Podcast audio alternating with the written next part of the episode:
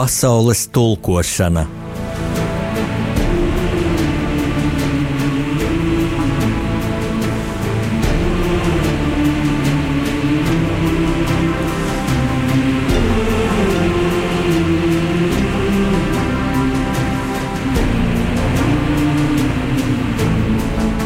Studijā rakstnieks Jānis Udris.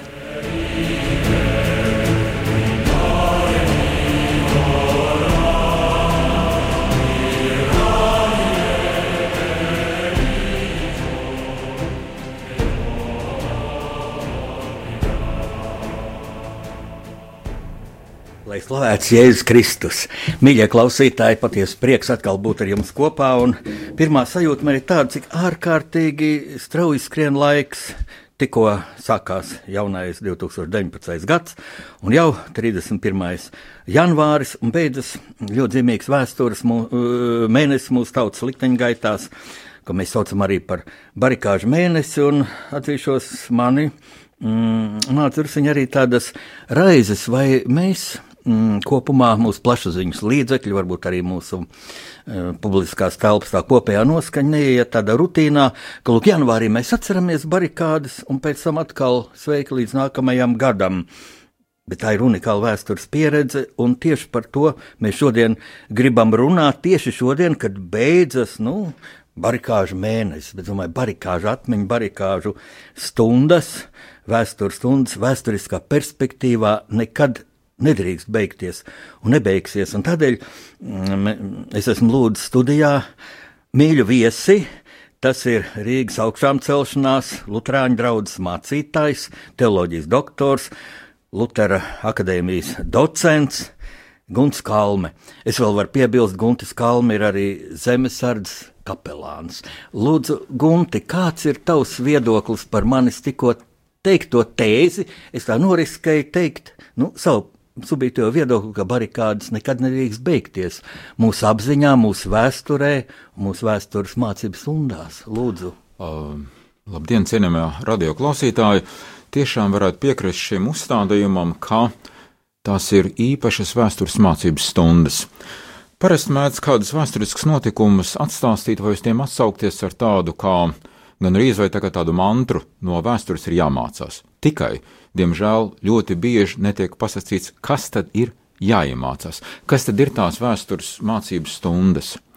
Manuprāt, no janvāra barikādēm mēs varam iemācīties vismaz vairākas mācības stundas, kas ir ar nepārējošu nozīmi joprojām.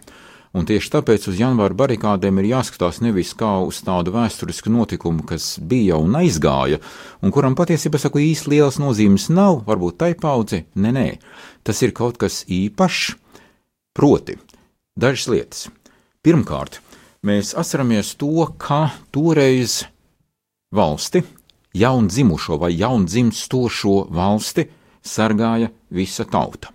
Uz barikādēm neviens nevienu nedalīja pēc etniskās piedarības, pēc mantiskās, pēc šķiriskās, patiešām tur bija iedzīvotāji no visiem tautas slāņiem. Jo cilvēki apzinājās, tagad vai nekad mūsu valsts sāka atzimt pēc 50 gadu represīvas, nežēlīgas, barbariskas, pazemojošas, sadistiskas, Eh, komunistu režīma okupācijas, tagad beidzot kaut kas sāka parādīties, parādījās iespēja. Un visi tie cilvēki, kas bija par savu nācijas valsti, bija iestājušies, proti, Visi tie, kuriem tēvi un vectēvi bija bijuši strelniekos, Latvijas armijā, eh, aizsargos, eh, vēlāk leģionā, nacionālos partizānos, pēc tam nevardarbīgās cīņas pretestībnieki. Visi tie bija tie, kas veidoja šīs, ja tā varētu sacīt, pilsoniskās cīņas mugurkaulu. Viņi bija tie, kuriem pateicoties mēs kā nācija bijām iznesuši savu tautas un cīņas garu. Otrakārt, kas bija nozīmīgi, ka viņus visus vai mūs visus vienoja patriotisms. Mēs vēl lāgā varbūt nepratām to nodefinēt, kā mēs to varam un vajadzētu varēt šodien, taču bija tā apziņa, šī zeme ir mūsu. Citas Latvijas pasaulē nav, šī ir mūsējo svešu nevajag, savu neatdosim. Protams, tajā laikā bija milzīgas ekonomiskās grūtības. Atcerēsimies to, kā PSRS bija ekonomiskajā bankrotā. Līdz ar to visas tā saucamās uh, PSRS republikas, uh, respektīvi okupētās teritorijas, bija ļoti līdzīgā situācijā.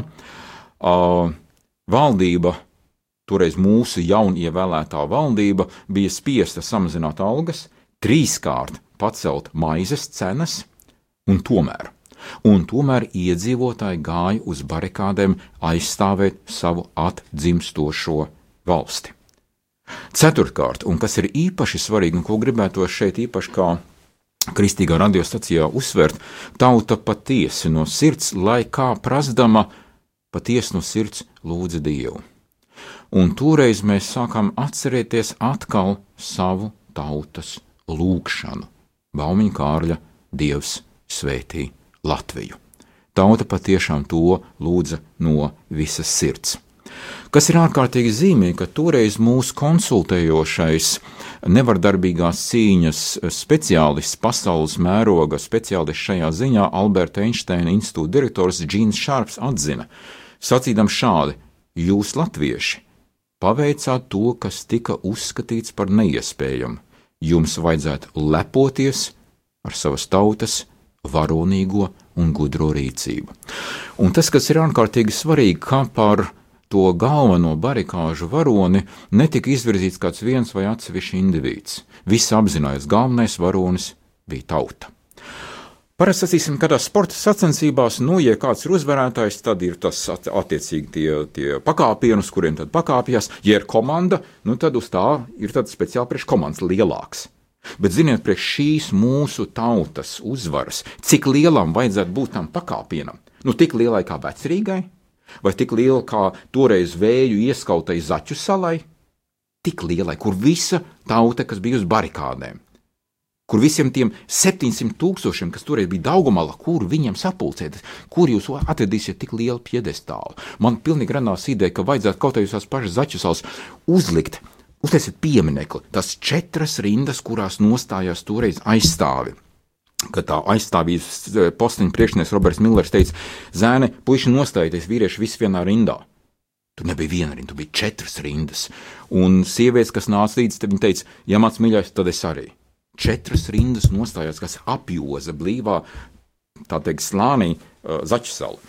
Nu, lūk, proti, tas ir laiks, ar kuru mēs patiešām varam lepoties. Manuprāt, tas būtu uh, visas cilvēces brīvības cīņu vēsturē ierakstāms lieliem burtiem.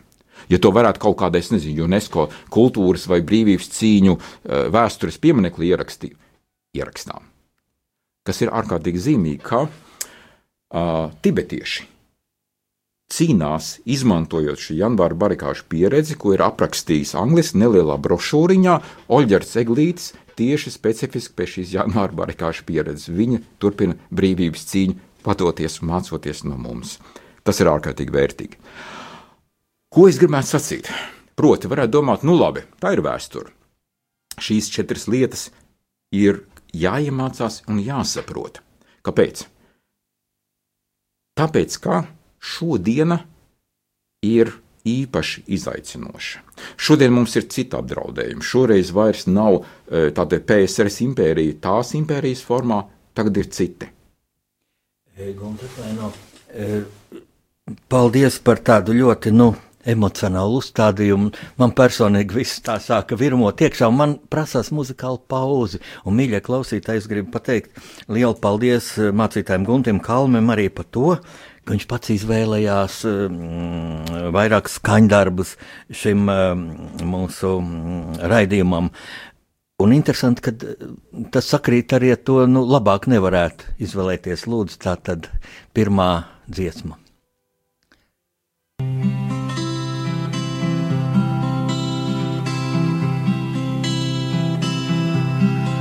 Kungs, kas zāles čukstus dzirdī, kas pats milgai neliec ciest. Vārdi ir, kas Latviju sirdī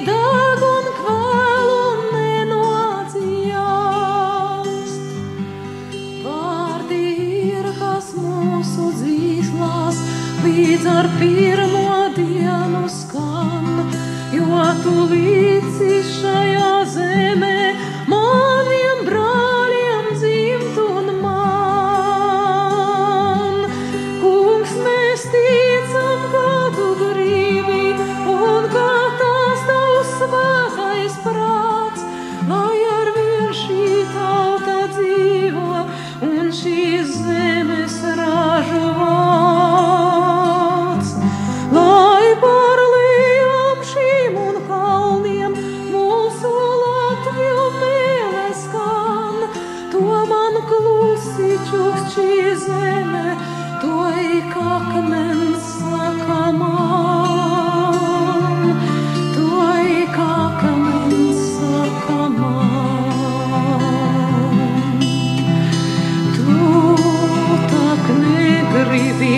voice.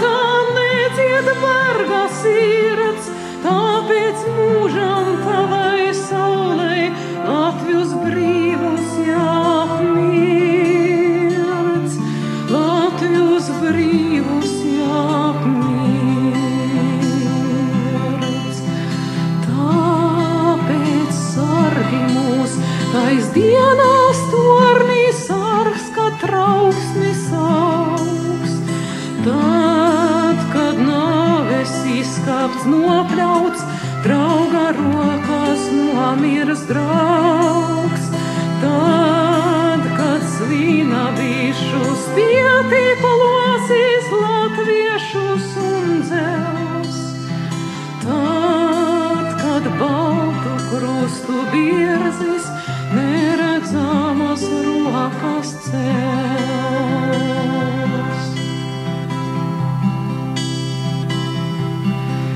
Vai šī brīvība tik sapnis mūsu tautas gaitā? kungs, un pēc gadiem sveši kungi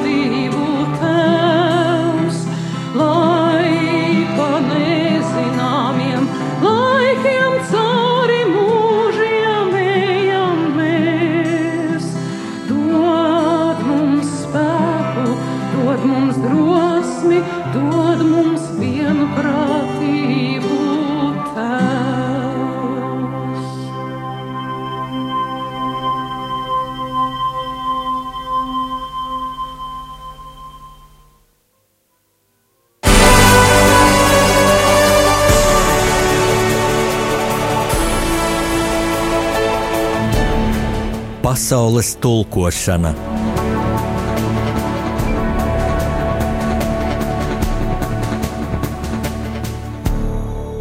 Šodien mums rakstnieku pārunu stundā pasaules tulkošana ir mīļš viesis, Lutāņu mācītājs Guns Kalns, un mēs runājam par mm, janvāra barikādēm, runājam vēsturiskā perspektīvā, un mēs pirms šīs, šīs nu, fantastiskās dziesmas, kas tā aizkustina arī mūsu abas studijā, mēs izrunājam. Bijām vienas prātas par to, ka barikādas nebeidzas, barikāžu mācība nebeidzas, un ka šī barikāžu mācība ir ļoti aktuāla šodien. Man Gunte liekas, pat varētu teikt, ka kļūst aktuālākā, īpaši mūsu lielās kaimiņu valsts, nu, diezgan tādas pat neprognozējamas, bet varbūt arī prognozējamas, ļoti agresīvās tādas politikas, tādu impērisku ambīciju, impēriskās nostalģijas kontekstā. Lūk, lūdzu, tavs viedoklis. Uh, nu, šodien ir vismaz trīs nopietni izaicinājumi. Tad tas, ko tu jau minēji, ne? Proti, šis Krievijas vai tā saucamais jaunās paudzes vai hibrīda karš, vai kā viņi sauc, asimetriskais, vai nelineārais, vai irregulārais un tam līdzīgi. Bez tam arī rietumu ultraliberālisms un islama invāzija. Proti, visi šie trīs nopietnie izaicinājumi, katrs savā īpašā veidā apdraud mūsu, es gribētu sacīt, latvisko identitāti latvisko identitāti, kas ir veidojusies ciešā saiknē ar rietumu civilizācijas vērtībām. Un tad, kad runā par rietumu vērtībām, mēdz runāt par minoritāšu tiesībām, par multikulturālismu, par toleranci un tam līdzīgi. Ziniet, ja mēs ieskatāmies lietās dziļāk, mēs ieraudzīsim, ka rietumu civilizācijas patiesās vērtības ir sekojošas. Pirmkārt, no kristīgās ticības ir ienākušas tādas vērtības kā trīsvienīgais dievs, cilvēka dzīves un dzīvības vērtība, personas tiesības un cieņa, sieviešu līdztiesība. Otrakārt, no grieķu demokrātijas ir tautas pašnoteikšanās tiesības. Tas ir demokrātijas būtība, ir teritorijas pārvaldīšana tautas interesēs. Treškārt, no romiešu tiesībām likuma vara un taisnīgums, un no antīkās filozofijas ir racionāla patiesības apjēgsme. Piemēram, spriedumi nedrīkst būt pretrunā ar realitāti, par kuru tie izteikti. Ētiskās axiomas ir jāievēro, piemēram, acīm redzami meli ir nepieļaujami. Ir jāievēro estētiskā axioms, ka, piemēram, labā un skaistā vienotība, ja, ko grieķu estētikā izsacīja ar jēdzienu kaloska gatos - skaistais, labais, viss vienā. Nu, lūk, ļoti zīmīgi, kā viens no mūsu ievērojamākajiem latviešu tautas filozofiem, Pauls Jurevičs, kurš ir nepelnīti aizmirsts vai neatcerēts, reiz sacīja šādi, ka Eiropa nozīmē humanizētu dzīvi un dzīves apkārtni, humanizētu saskaņā ar zinātni un mākslu, grieķiskais elements, saskaņā ar tiesībām un taisnību, romiskais elements, un saskaņā ar kristīgo cilvēciskās brālības un cilvēku mīlestības ideālu.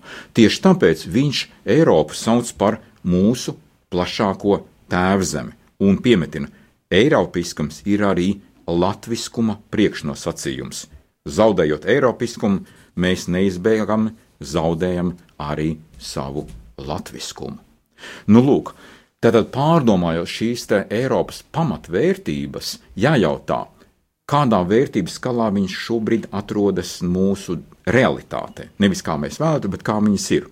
Ļoti zīmīgi, ka pavisam nesen amerikāņu žurnālists un autors Klāra Berlīnski šādi apraksta Eiropas stāvokli.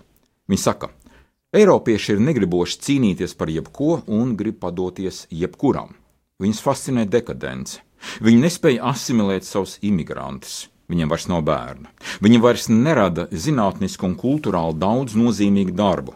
Viņi ir zaudējuši savu reliģisko aicinājumu un vairs neuzskata savas dzīves par jēgpilnām. Apstākļi padarījuši Eiropiešus vairāk vai mazāk aklus un nespējīgus konfrontēties ar draudiem savai civilizācijai, ar draudiem savai civilizācijai. Atcerieties, tas pats Jurēvičs pirms gadu desmitiem sacīja, ka rietumu sabiedrība ir izdarījusi eksperimentu, izmēģinājis, cik tālu var noiet, atsakoties, sekot sirdsapziņai un tās nesējam prātam. Tā ir nonākusi līdz punktam, kur tai draud pašiznīcināšanās. Manuprāt, Jurēvičs toreiz precīzi šo pasakīja, kas notiek šobrīd. Viņš sacīja šādi, ka radikālā konformisma pārstāvja tiecas pielīdzināt personiskās un sabiedriskās ētikas normas modei. Bet ir liela atšķirība. Mode nav domāta individuālās un sabiedriskās dzīves integritātes saglabāšanai. Tā ir tikai mode. Nu, lūk, ja mēs tagad paskatāmies uz to, ka šis ultraliberālisms, kas patiesībā sakot, ir novedis rietumu sabiedrības domu, izpratni un mentalitāti līdz vērtību vakumam un līdz vērtību nihilismam, tad nebrīnīsimies, ka rietumos dievnam tiek atstāti, ka musulmaņi daudz no tiem pārņem un ka šīs tā saucamās bēgļu migrācijas aizsegā patiesībā sakot, notiek reāli islama invāzija, kas apdraud, kas apdraud rietumu civilizāciju. Ja?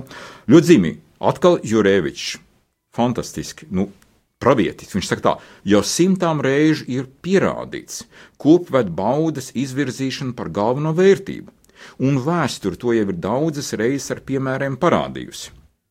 Atsevišķi šo cilvēku tā ved no cilvēcības atpakaļ pie dzīvnieciskuma, bet tautas pie sairšanas un pie pakļaušanas svaigākām tautām, kurām bauda vēl nav visaugstākais. Atcerēsimies, Arnolds Stoins bija viens no izcilākajiem eh, angļu eh, vēstures filozofiem. Sacīja šādu lielisku frāzi, ka civilizācijas neiet bojā no slepkavības, tās iet bojā no pašnāvības.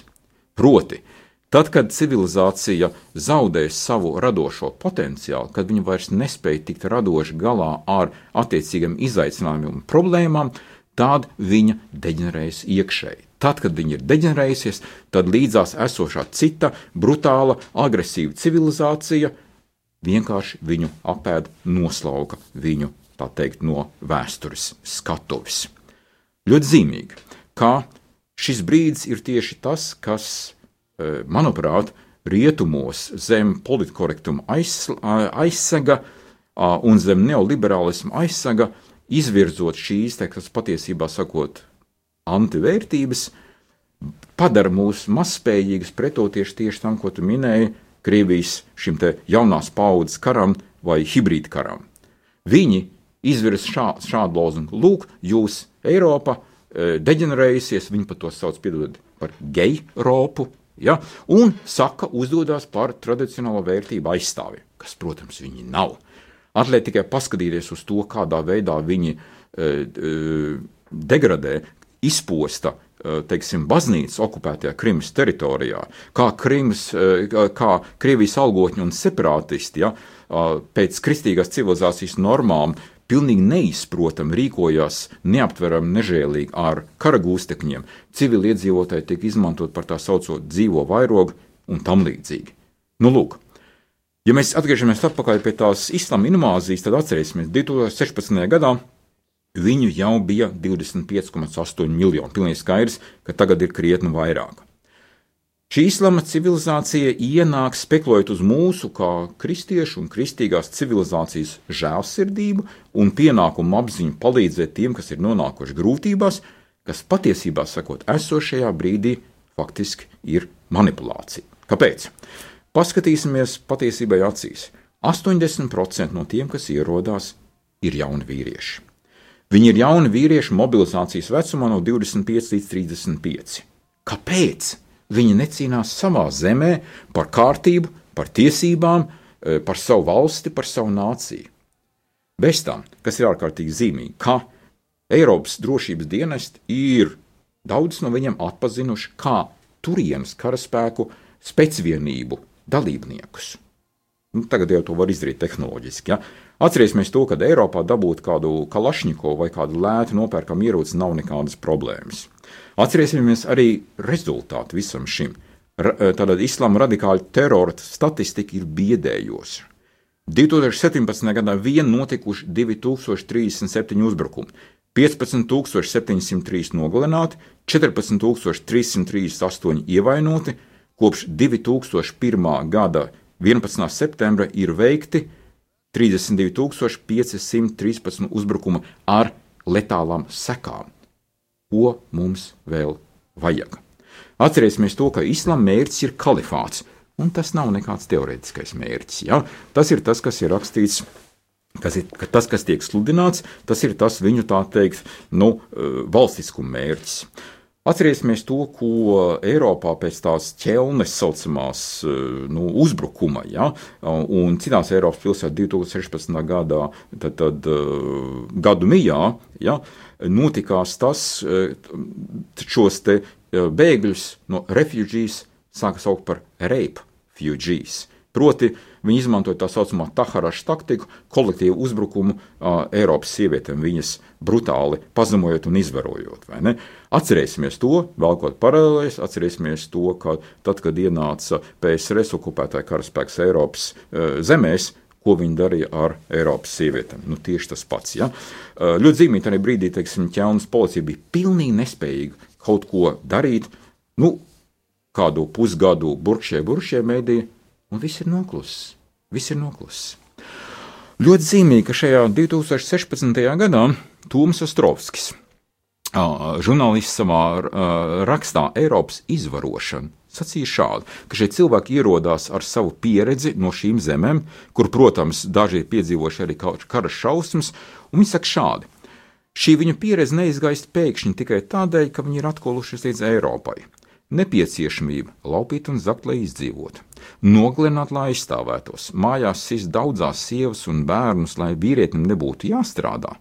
Vairumā musulmaņu vīriešu nestrādāšana, piemēram, Afganistānā, ir pašsaprotams tikums, tikums pēdiņās, nemaksāt nodokļus, izvairīties no integrācijas, sliktākajā gadījumā uzlaist gaisā sevi un dažus neticīgos, lai nokļūtu praviešu Muhamedu solītajā paradīzē. Tā žurnālists Toms Ostrovskis zīmīgi. Tanī brīdī, kad Eiropas turisti nonāk teiksim, kādā islāma zemē, viņus uzreiz nobrīdina nespērt ne soli ārpus turistu zonām. Un tas tiek klusu ciešot akceptēts. Tātad priekš Eiropiešiem atrašanās šajās musulmaņu zonās ir bīstama. To turisti saprot, viņiem to māca. Bet tad, kad šie musulmaņi ienāk Eiropā, viņi nodibina savas zonas, ja, kur bieži vien pat policija iekšā neiet Ja? Un tad, kad kādi drosminieki tur iet, pat teiksim, kāds atsevišķs kristīgās demokrātijas, ja, tad šie musulmaņi saka, we take over, respektīvi, mēs pārņemam varu. Ja? Respektīvi, viņš šeit atbrauc ar savām parašām, viņi netaisās integrēties, vismaz lielākā daļa ne. Ja? Ļoti zīmīgi, kā e, tajā brīdī, tad, kad bija šī velkumīgā, šī ielūdzoša attieksme no Merkeles puses un sākās ķelnes uzbrukumi, kāda no šiem bezkaunīgākajiem saucamiem izvarotāju bēgļiem sacīja: uzmanīgi, ar mums mēs esam Merkeles ielūgti. Vai arī kādi ieradās un teica, esam klāt, kur ir nauda. Ja? Respektīvi, šeit atbraukuši teikt, uz labu dzīvi, kurā viņi tiks apgādāti.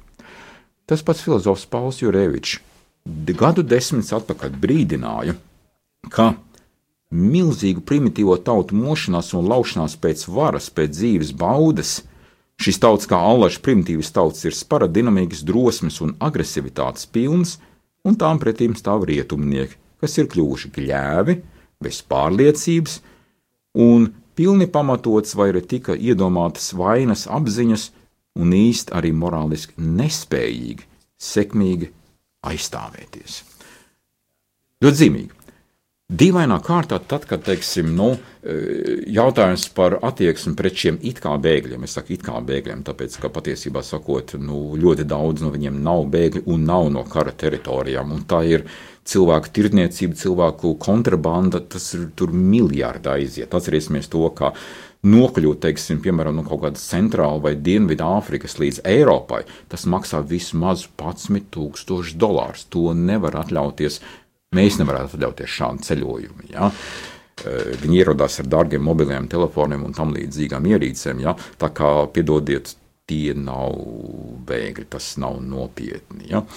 Nu, lūk, eh, tad, kad, tad, kad šie cilvēki ierodās, ja, tādā gadījumā uh, tad kristiešiem tiek sacīts, redziet, vecajā derībā ir tās vietas, kur pret tad, svešiniekām vajag izturēties laipni un viņus uzņemt un tam līdzīgi. Bet atcerēsimies jauno derību. Ja? Tad, kad, tad, kad Marija kopā ar Jāzepu bēgot no Heroda, ja, viņi dodas uz svešu zemi, tad, kad briesmas ir pāri, Dievs viņam sūta eņģeli, kas liek viņam atgriezties viņu zemē. Tas bija tik svarīgi, ka Dievs viņam sūtīja eņģeli. Tajā vietā, kur viņi tagad atgriezās atpakaļ, tur arī viss nebija mierīgi. Ja? Atcerēsimies, ka Jūdijā Heroda vietā valda Arhelovs, bet Dievs liek viņam atgriezties viņu pašu zemē. Mums vajadzētu uzdot jautājumus, kad tad šie pēdiņās bēgļi taisās atgriezties savā zemē. Dargo mācītāji, mm -hmm. klausoties šos unikālos faktus, satraucošos, traģiskos faktus, ko tu minēji, bet jāmin, viņi ir. Mūsu tautai to jāzina. Man ienāca prātā tāda pārsteidzoša doma, ka janvāra barikāžu laikā, 91. gadā, patiesībā bija daudz vienkāršāk psiholoģiski, jo vecrīga bija kā radīta, un pat zaķu sala, kur mūsu televīzija kā radīta apkārt ūdens, vecrīgi šaurās ieliņas mēs nobloķējām ar, ar traktoriem, ar, ar smagajām mašīnām, smagi piekrautām ar baļķiem, ko sūtīja kolhoz, kolhoz priekšsēdētāji, un viss bija ļoti vienkārši, un šīs barikādas, nu, varētu jau ieņemt desantnieki, ja, bet tad viņiem vajadzētu iet pār cilvēku līķiem.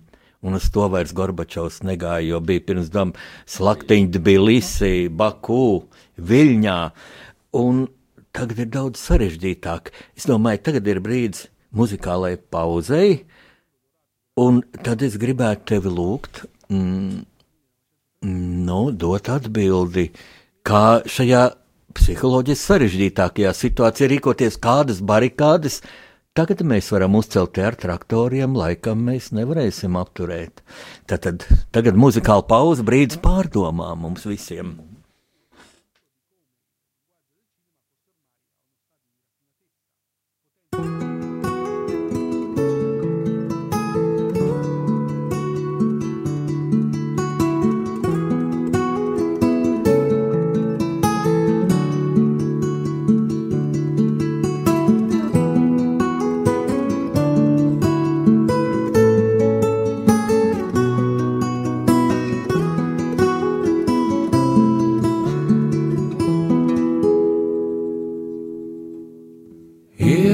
Lai viss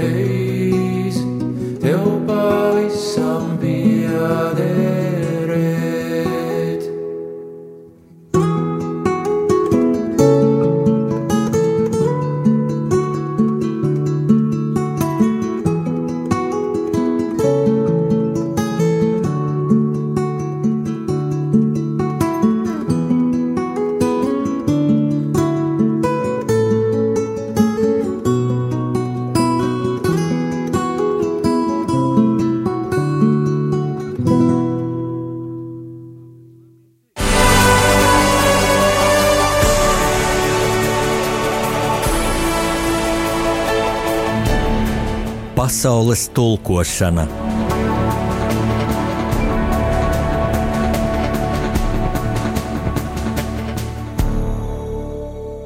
Mīļie klausītāji, mēs turpinām sarunu ar uh, Lutāņu mācītāju Gunti Kalmi, rakstnieku pārunu stundā. Mm, un mēs um, atceramies barikāžu laiku. Nevis vairs to, kā tas notika, nu, to parastā janvārī daudz un dikti runāja, un, un tas ir svarīgi, domāju, to ir jāzina, bet tas jau var, teiksim, šo, šogad ir izrunāts, bet par to, kas paliekam, ir jāpaliek mūsu apziņā šīm mācībām, mm, šīm vēstures mācību stundām, Un mēs ar, ar godājumu mācītāju bijām viensprāts, ka mm, šobrīd situācija ir psiholoģiski sarežģītāka. Un būtībā janvāra barikāžu laikā, nu, pats Dievs, ja mācītājs piekrīt, ka tā drīkst teikt, bija radījis tomēr tādu kompaktu situāciju. Šeit ir vecerīgi, visi savējie, mēs varējām vecerīgi apjost ar traktoriem, smagajām mašīnām, ar savām sirdīm, ar savu gatavību upurēt savu dzīvību zem tankiem, kā to mūsu brāļi lietuvieši darīja Viļņā. Uh, nu, tagad ir psiholoģiski tas pretinieks ir arī viltīgāks un ar to varbūt arī daudz bīstamāks, jo tas notiek ilgtermiņā, tas notiek ļoti daudzskaitlīgi. Lūk, kāds ir, kāds ir mm, tavs viedoklis? Es pilnīgi varu piekrist par to, ka šī brīža situācija daudz uh, morāli, psiholoģiski un garīgi daudz, daudz sarežģītāk. Toreiz tā teikt, bija, bija vienkārši balts sarkans, ja, baltie pēdiņās savējās sarkanie, tā teikt, pretinieki. Ja. Uh, šodien tā situācija pavisam savādāka, proti civilizācija ir iegājusi pavisam citā savā fāzē, un līdz ar to arī civilizācija konflikti ir kļuvuši savādāki. Ja? Viens no šiem civilizāciju konfliktu tādiem ļoti spilgtiem izpaudumiem patiešām ir tā saucamais Krievijas hibrīdkarš, kas lieliski pēdiņās parādīja tad, tad uh, Krimas okupācija 2014. gadā. Rietumu uh, stratēģi, izlūkdienesti, militāristi bija totālā šokā. Atcerēsimies, ja, kā no militārā viedokļa tā bija spīdoši izpildīta operācija, tikai viens kritušais, pa vienam kritušam katrā pusē. Uh, Bet ļoti zīmīgi, kā nedaudz vēlāk, teikt, rietumi sāka to atkost, un NATO toreizējais ģenseks Anders Rasmussen- Rasmussens sacīja šādu ļoti zīmīgu citātu. Proti, notiekošais konflikts starp Krieviju un Rietumiem, kas centrējas uz krīzi Ukrainā, savā būtībā ir vērtību sadursme. Vērtību sadursme. Atcerēsimies to, ka principā tad civilizācijas veido vērtību sistēmas, Un vērtības sistēma savukārt veido reliģijas. No, viņas nāk no reliģijām. Ja?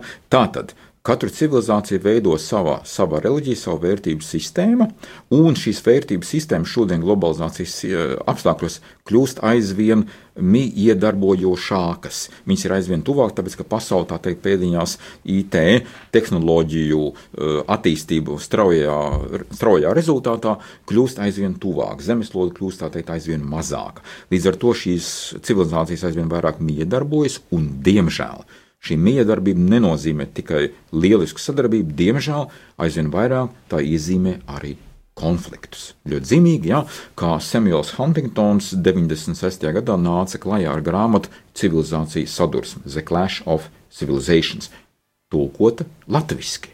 Būtu vērtīgi to izlasīt. Nu, lūk, attiecībā uz hibrīdu karu tas ir ļoti īpatnējs kara paveids. Uh, protams, atkal var sacīt, sen jau ir bijis un elementi un tam līdzīgi, bet, bet kas ir tas pārsteidzošais, kas pārsteidza rietumu civilizāciju pilnīgi nesagatavot? Proti, ja, viņam ir divas nopietnas daļas. Pirmā daļa ir nemilitārā, kurā savukārt ir četri apakšposmi, proti, informatīvie, morālie, psiholoģiski, ideoloģiski, diplomātiskie un dažādi ekonomiskie pasākumi, lai izveidotu tajā mērķa zemē sev labvēlīgu politisko, ekonomisko un militāro stāvokli. Otrakārt, politisko militāro līderu, valdības iestāžu maldināšana. Treškārt, valdības un militāro personu iebiedēšana un uzpirkšana, un ceturtkārt, destabilizējoša propagandas izplatīšana. Un tad, kad tā attiecīgās mērķa teritorijas valsts iedzīvotāju pretošanās griba ir salauzta, tad var parādīties zaļie cilvēciņi, ja, kas jau attiecīgi ar e, militāru politiskiem pasākumiem pārņem varu. Ļoti zīmīgi. Līdzšinējā, teiksim, rietumu mm, aizsardzības koncepcija bija balstīta uz tā saucamo konvencionālo karu. Ja? Nu, tad armijas, taktika, bruņojums, loģistika un tam līdzīgi. Tagad šim rietumu sabiedrība ir pilnīgi negatīva. Mēs tieši tā skaitā. Bet tātad, ja pirmā daļa ir nemilitārā, patiesībā sakot, vērtību karš, tad no šī izriet ārkārtīgi būtisks secinājums. Proti, ka tā toreizējā vērtības cīņu pieredze, ko mēs ieguvām janvāra barikādēs, šodien viņu sintēzējot bišķiņu savādākā veidā, piemērojot šodienas situāciju, joprojām ir derīga. Un es pats pilnīgi piekrītu tam, ko tu sacīji ja, pašā sākumā, proti, ka šī mācība vai mācības kļūst aizvien aktuālākas. Paskatīsimies. Tātad, janvāra barikādēs mēs, visa tauta, aizstāvējam savu jaundzimstošo valsti. Šodien tikai savādāk. Mums atkal sava valsts ir jāsargā visai tautai. Un šodien ir jāsargā vairs ne tikai fiziskā telpa, bet šodien jāsargā visi telpu paveidi, kādi vien viņi ir. Kiber, uh, kibertelpa, informatīvā telpa, kultūras telpa, vērtību telpa.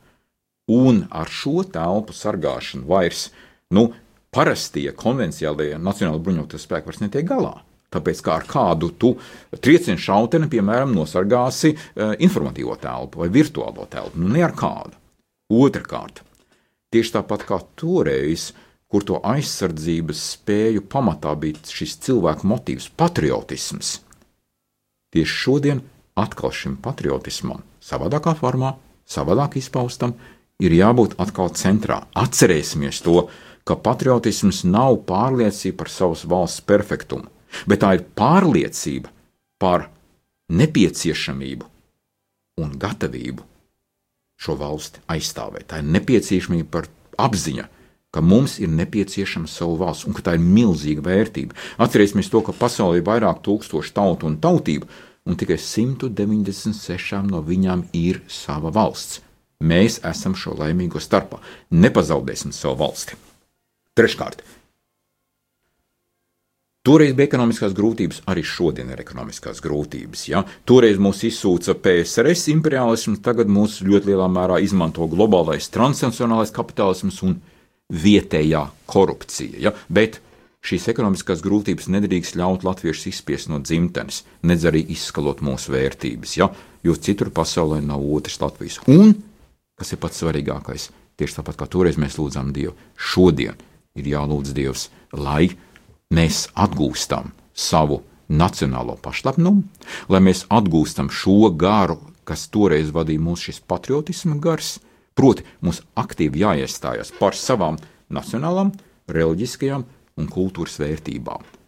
Un, manuprāt, atkal mums ir milzīga bagātība, uz ko atskatīties. Piemēram, tie paši nacionāli partizāni, Stompaka nometne, starp visiem bunkuriem viens bija kapela. Stompaka kaujas laikā, kamēr militāristi aizsargājās, civilisti bija kapelā un lūdza Dievu.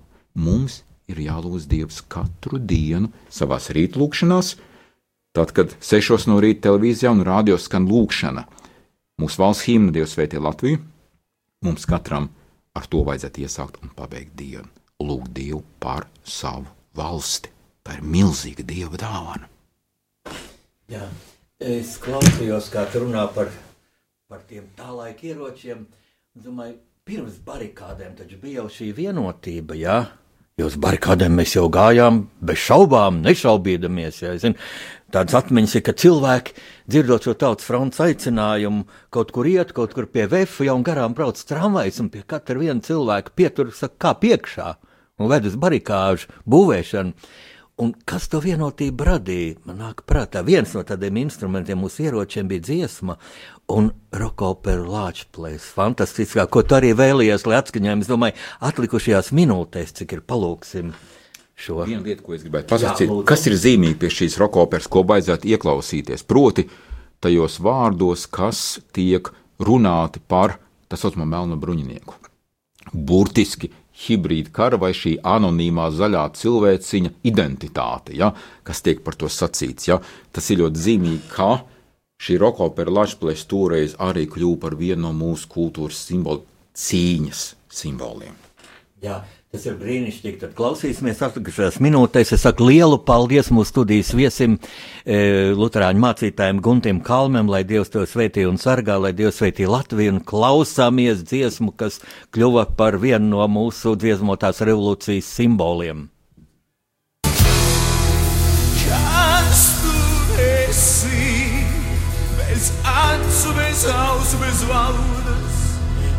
Tums ir melna migla, kurā es sabrienu savu dvēseli.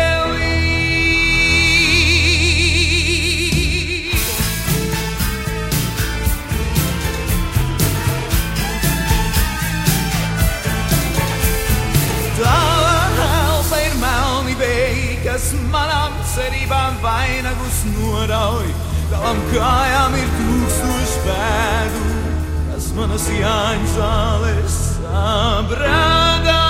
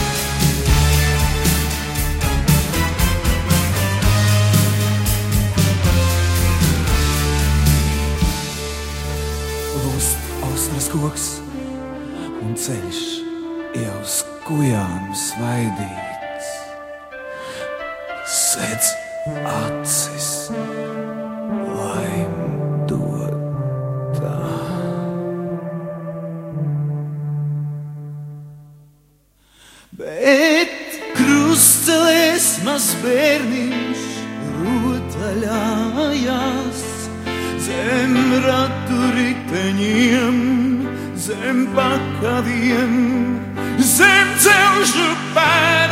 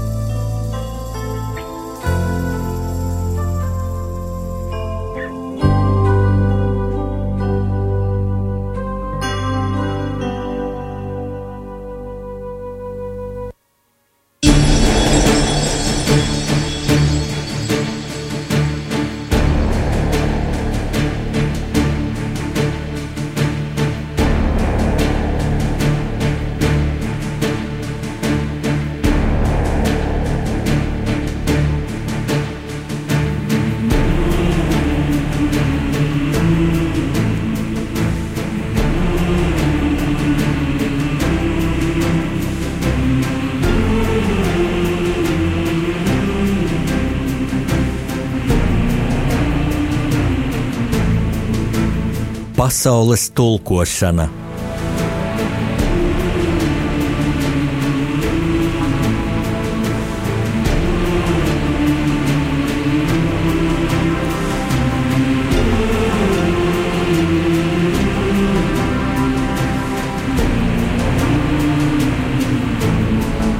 Studijā rakstnieks Jānis Udris.